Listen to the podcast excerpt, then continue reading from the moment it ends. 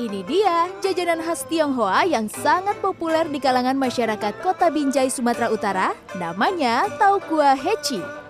Sebutan Tau Kuah Heci diserap dari bahasa Tionghoa yang berarti makanan berupa tahu ditambah kuah atau saus dan kerupuk. Dilihat dari tampilannya, tahu kuah heci mirip seperti perpaduan siomay dan mie rebus. Sausnya berupa kombinasi antara saus tomat dan tepung kanji. Dalam setiap porsi, tahu kuah heci berisi potongan tahu kuning goreng, satu udang goreng tepung besar, bakwan udang, dan heci, yakni sejenis kerupuk atau rempeyek rempah berisi potongan udang. Sebagai pelengkap, makanan ini disajikan dengan tambahan sayur cincang kangkung dan toge yang sudah direbus.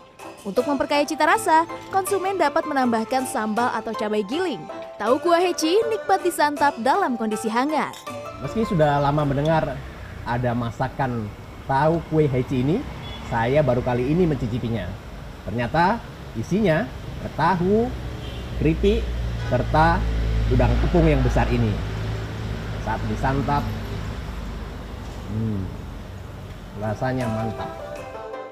Rumah makan di kawasan Brahrang, Jalan Anggur, Kecamatan Binjai Barat ini merupakan yang pertama menjual tahu kuah heci sejak tahun 60-an. Resep tahu kuah heci diperoleh secara turun-temurun. Tahu kuah heci ini sudah ada sejak 50-an tahun lebih. Awalnya kita tahu kuah heci ini dari tahu sama kerupuk dibarengi dengan kangkung sama tauge saja. Udah itu kita siram dengan saus. Itu ada rasa manis, asam dan sedikit pedas itulah membuat ciri khas tahu kuah heci ini. Untuk seporsi tahu kuah heci dijual seharga Rp30.000.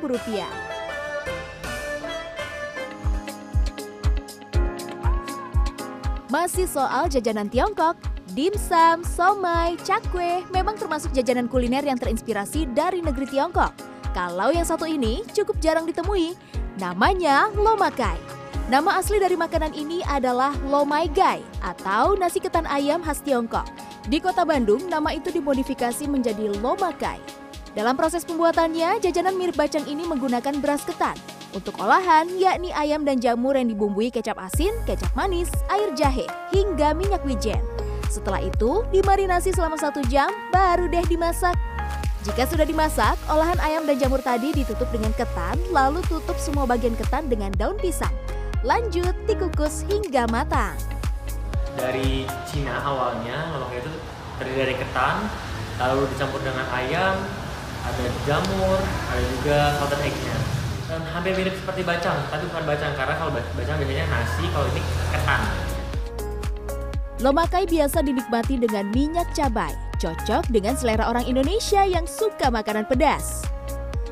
Paduannya pas, itu ada ayamnya, jadi rasanya gurih dan enak sih ada ayam oh saya belum pernah pertama kali ini Seporsi lomakai di kedai dimsum Jalan Taman Kopo Indah Kabupaten Bandung ini dibanderol seharga Rp13.000 per porsi.